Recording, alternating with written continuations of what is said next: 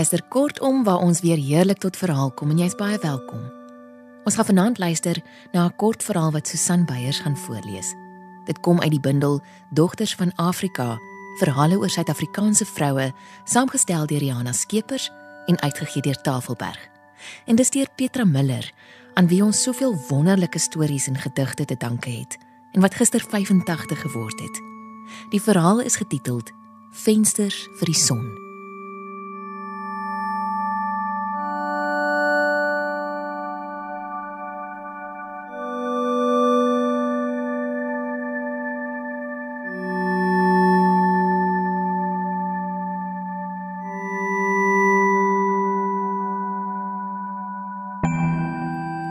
Ek het onlangs weer vir Elet swart gesien.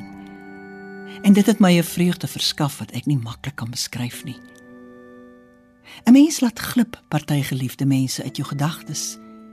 En dit bly 'n lewenslange aanklag teen jouself. In die middel van jou daaglikse bedrywighede kom staan daardie mens met eens helder voor jou gees en eis jou aandag op. 'n Swakte van herinnering kom oor jou. Jy sit die naaldwerk of die kospot neer en sê vir jouself, "Wat makkeer my dat ek die ure van my dag deurbring met allerlei onbenullighede?" En ek versadig nie die behoefte van my hart om daardie mens weer te sien nie. So het ek dikwels oor Elet swart gedink.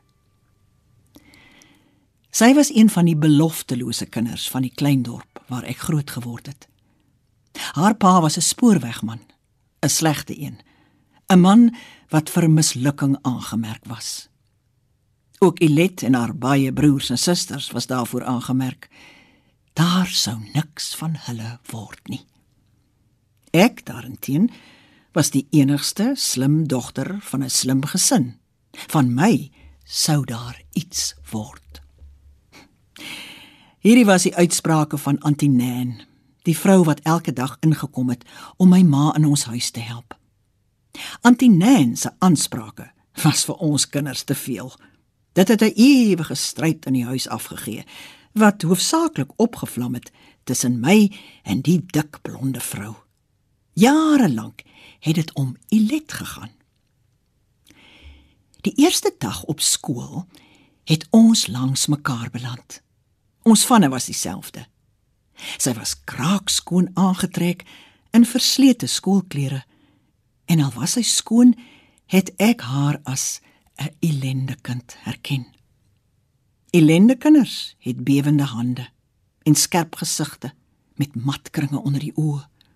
Hulle dit in teen die helfte van die oggend, reg daar op die bank langs jou. En jy moet hulle met die elmboog wakker druk voordat juffrou gewaar. Hulle sit altyd speeltye in die son want hulle is koud. Ek het Ilet die heel eerste dag saam met ons huis toe gesleep. Antineen se sagte groot mond het ferm gesluit toe sy haar sien. Ilet het saam met ons geëet in die kombuis. Aan die oorkant van die tafel het Antineen in 'n walm van lyfboeier gesit en haar afkeer het verstikkend oor ons ete gehang. Toe ek die middag alleen by Antineen beland, het ek my in die volle storm vasgeloop. Jy bly weg van daardie swartse. Jy bring haar nie weer hiernatoe om te kom eet nie, hoor jy my? En jy gaan nie so intoe nie. 'n Dag is 'n dag, dan kom jy hier met luise aan. Wat sê ek my gevra en jy gaan nie by julle eet nie, sê ek. Ek het gesnork en my koffie gedrink. Ek was 'n parmantige kind. Later het ek my ma gevra, Wat is verkeerd met die swartse? Daar's niks met hulle verkeerd nie, het sy rustig gesê. Hulle is net nie ons soort nie. Maak soos Auntie Nancy. Hm, maar ek het nie so gemaak nie. Ek het Ilet swart se beskerming geword. Reeds die tweede dag het ek hom meer skoolkos gevra. en die ekstra vrag toebroodjies met Ilet gedeel.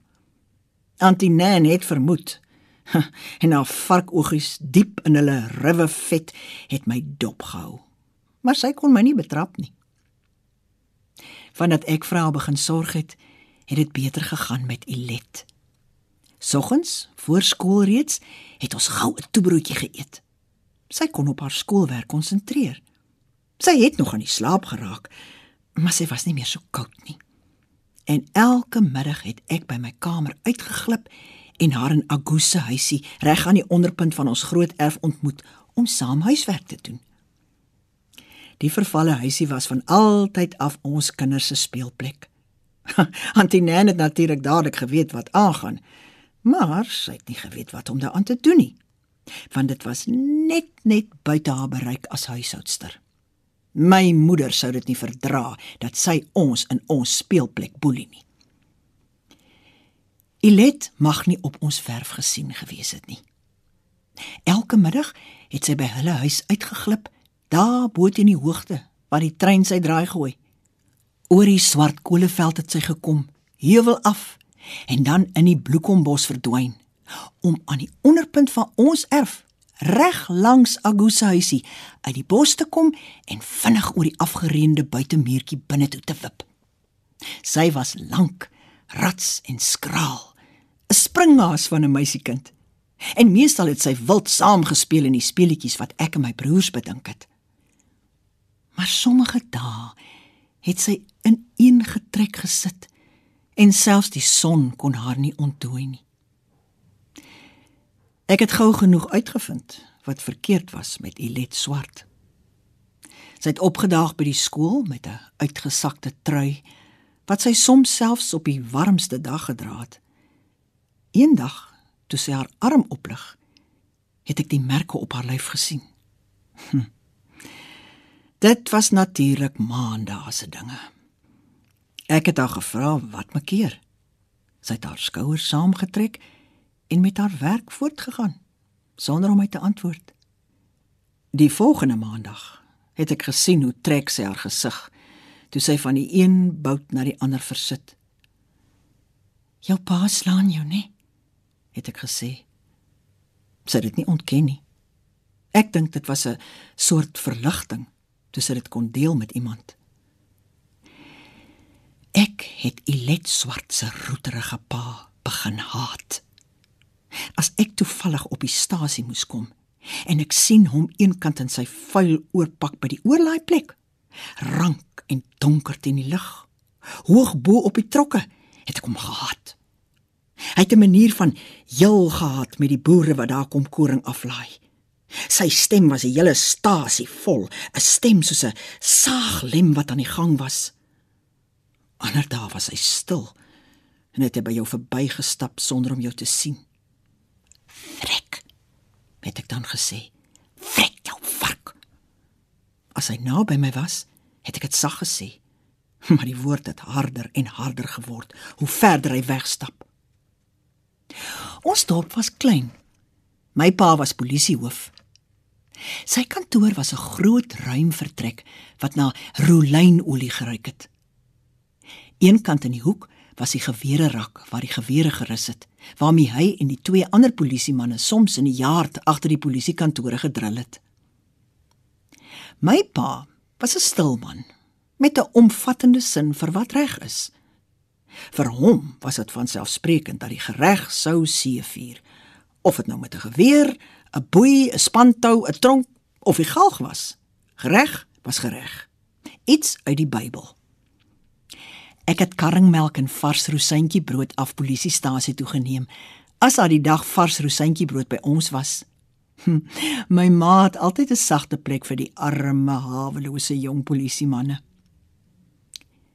Die dag het ek aan my pa se kantoor deur geklop en gehoor hoe sy sagte stem my binne roep. Hy was verbaas om my daar te sien. Ek wou hom spreek oor iets, het ek gesê en die karringmelk neergesit. Hy het die legger voor hom toegemaak, dit met die pink lint vasgebind en my gesê om in die groot stoel voor sy lesenaar te gaan sit. Ek wil hê pa moet 'n saak maak teen meneer Swart, Ilet se pa, sê ek. Hy drink verskriklik. Ek bly stil en soek my woorde. Ek weet hy drink, sê my pa. As hy gedrink is, slaan hy die kinders verskriklik. Ek weet, sê my pa. En na rukkie slaan hy die meisiekinders ook. Ja, sê ek. My pa speel met die lintjies van die legger. Het sy vir jou gesê of het jy vir haar gesê? Ek kon eers nie verstaan wat my pa bedoel nie. Ek het ook nie geweet wat om te antwoord nie. Waarop sin speel my pa? Kyk, sê hy na 'n lang stilte. As hy swart sy kinders slaan, is dit sy saak. Hy slaan sy vrou ook. Ek het niks te doen met wat 'n man in sy eie huis doen nie. En jy ook nie, verstaan jy dit? Maar pa, my pa het sy stem verhef. My kind, as Ilet se ma 'n klag teen haar man wil hê, dan kan sy dit doen. Sy weet sy kan. En as sy dit nie doen nie, dan is dit haar sake. Jy los hulle uit, hoor? Ek verstaan hoe jy voel, maar daar is niks meer oor die saak te sê nie. Ek is huis toe en ek het ook my pa tyd lank vir my. Dit was in daardie tyd dat Ilet Vrydag aande by my kom inkruip het. Eers het sy gevra of sy in Agusa huisie kan kom slaap. Maar dit was die nag koud en ek het uitgekruip en haar gaan haal. Sy het agter my gelê en lank gebeef en aan die slaap geraak. Haar pa slaan net as hy dronk is. En dis Vrydag aande. Toe ons tuinier die oggend sing sing voor ons kamer verbykom, het ek wakker geword soos altyd en Ilet geskit. Sy het uitgeglip en met haar jas onder haar arms, kaalvoet en dun soos altyd, deur die bloekombos heuwel opgeglip, bo waar ek haar kon sien en oor die spoorlyn gegaan waar ek haar nie meer kon sien nie. As haar pa maar die vorige aanbeet gehad het, het Ilet die kinders in die oggend versorg. Sy was dan al een in die huisie wat uitgeslaap was. Ek het geleer om die dinge nie met Ilet te wil bespreek nie. Sy kon nie praat nie. Sy was nie 'n mens vir praat nie. Maar sy het 'n manier gehad om een sinnetjie te sê. Asof sy wou hê dat jy moet weet dat dit baie dinge beteken. En dan kyk sy jou reg in jou oë en lag 'n skiewe glimlaggie wat haar lang gesiggie verhelder. Ilet het die reuk van drank gehaat, die kleur daarvan, selfs die leë bottels. As ons agter die hotel verbygestap het, het sy gaan staan en klippe gegooi in die hoop bottels agter die vuilgoed hoop. Ons het dikwels klippe daarin gegooi. En dan het ek gesê: "Frek, frek, frek." Maar sy het nie geweet ek sê dit vir haar pa nie. Ilet se ma was 'n plankdun vrou in silwerskoon geblomde rokke. 'n Sterk, magtelose vrou wat waaksaam opgekyk het wanneer jy by die deur aanklop. Altyd bedag op iemand anders se bewegings. Altyd doodstil met skouerknoppe wat effens vorentoe buig en groot half oop hande wat stil lê waar hulle lê. Sy het nie gekinders gehad. Ek het geen een van hulle geken nie, behalwe Ilet. Ons het nou keurige planne vir die toekoms gehad. Ek sou 'n skryfster word, Ilet verpleegster. Ons sou mekaar weer kry. Ons sou trou en ons sou elkeen vier kinders hê. Ek was baie spesifiek oor my huis, veral hoeveel kamers dit sou hê en hoeveel sonvensters. Maar Ilet kon net aan een ding dink. Haar huis moes nooit naby 'n spoorwegstasie wees nie. Dit moes gebou wees dat jy nooit kool in haar huis kan intrap nie. Toe ons moes hoërskool toe gaan, het ons weggetrek na 'n groter dorp. Ons sou vir mekaar skryf, het ek gesê. Ons het ook, maar dit het opgedroog. Toe Antineen dood is en begrawe word op die dorpie, het ons teruggegaan. Ek het gevra na die swartse, maar hulle het intussen weggetrek van die dorp. En mevrou Swart het 'n beroerte gehad. Dit het klaaglik met haar gegaan. Ek het Ilet Swart onlangs weer gesien. Ha, ek was werklik verbaas.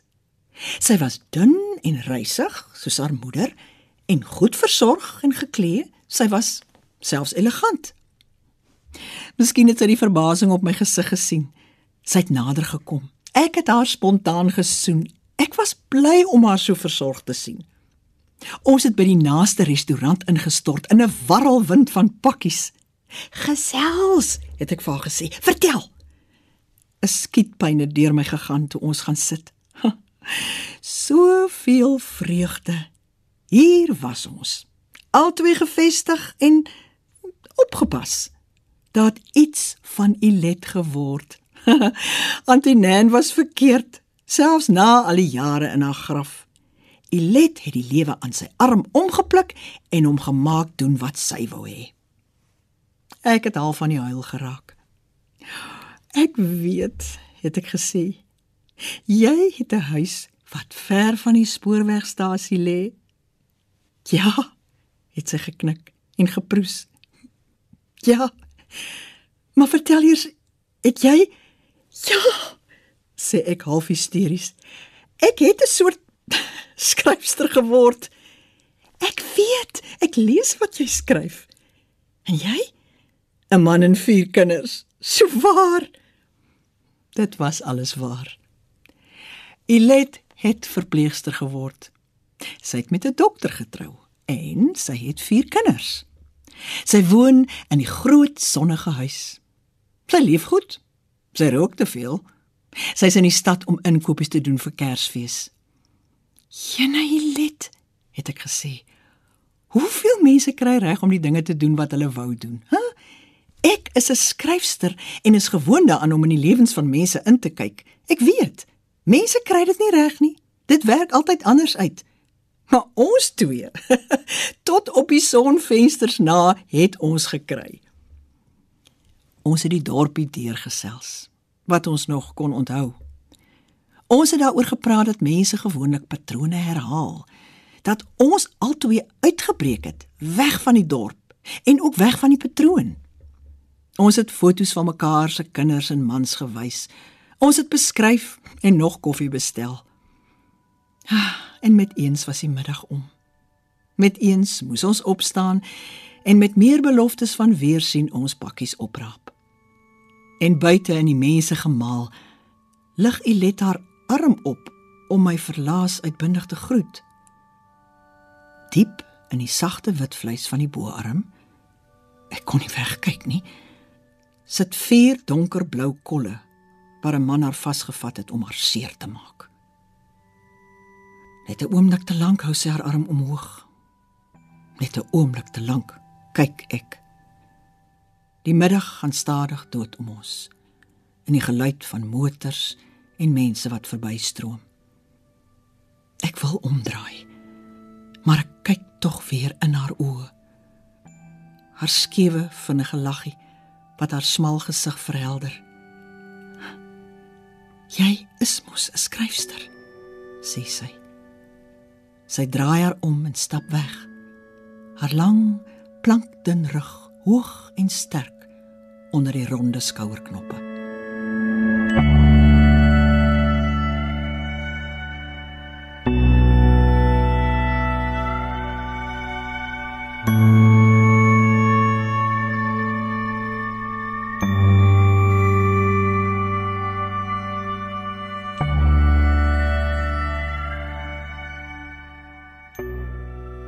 Dit was dan Vensters vir die son deur Petra Miller.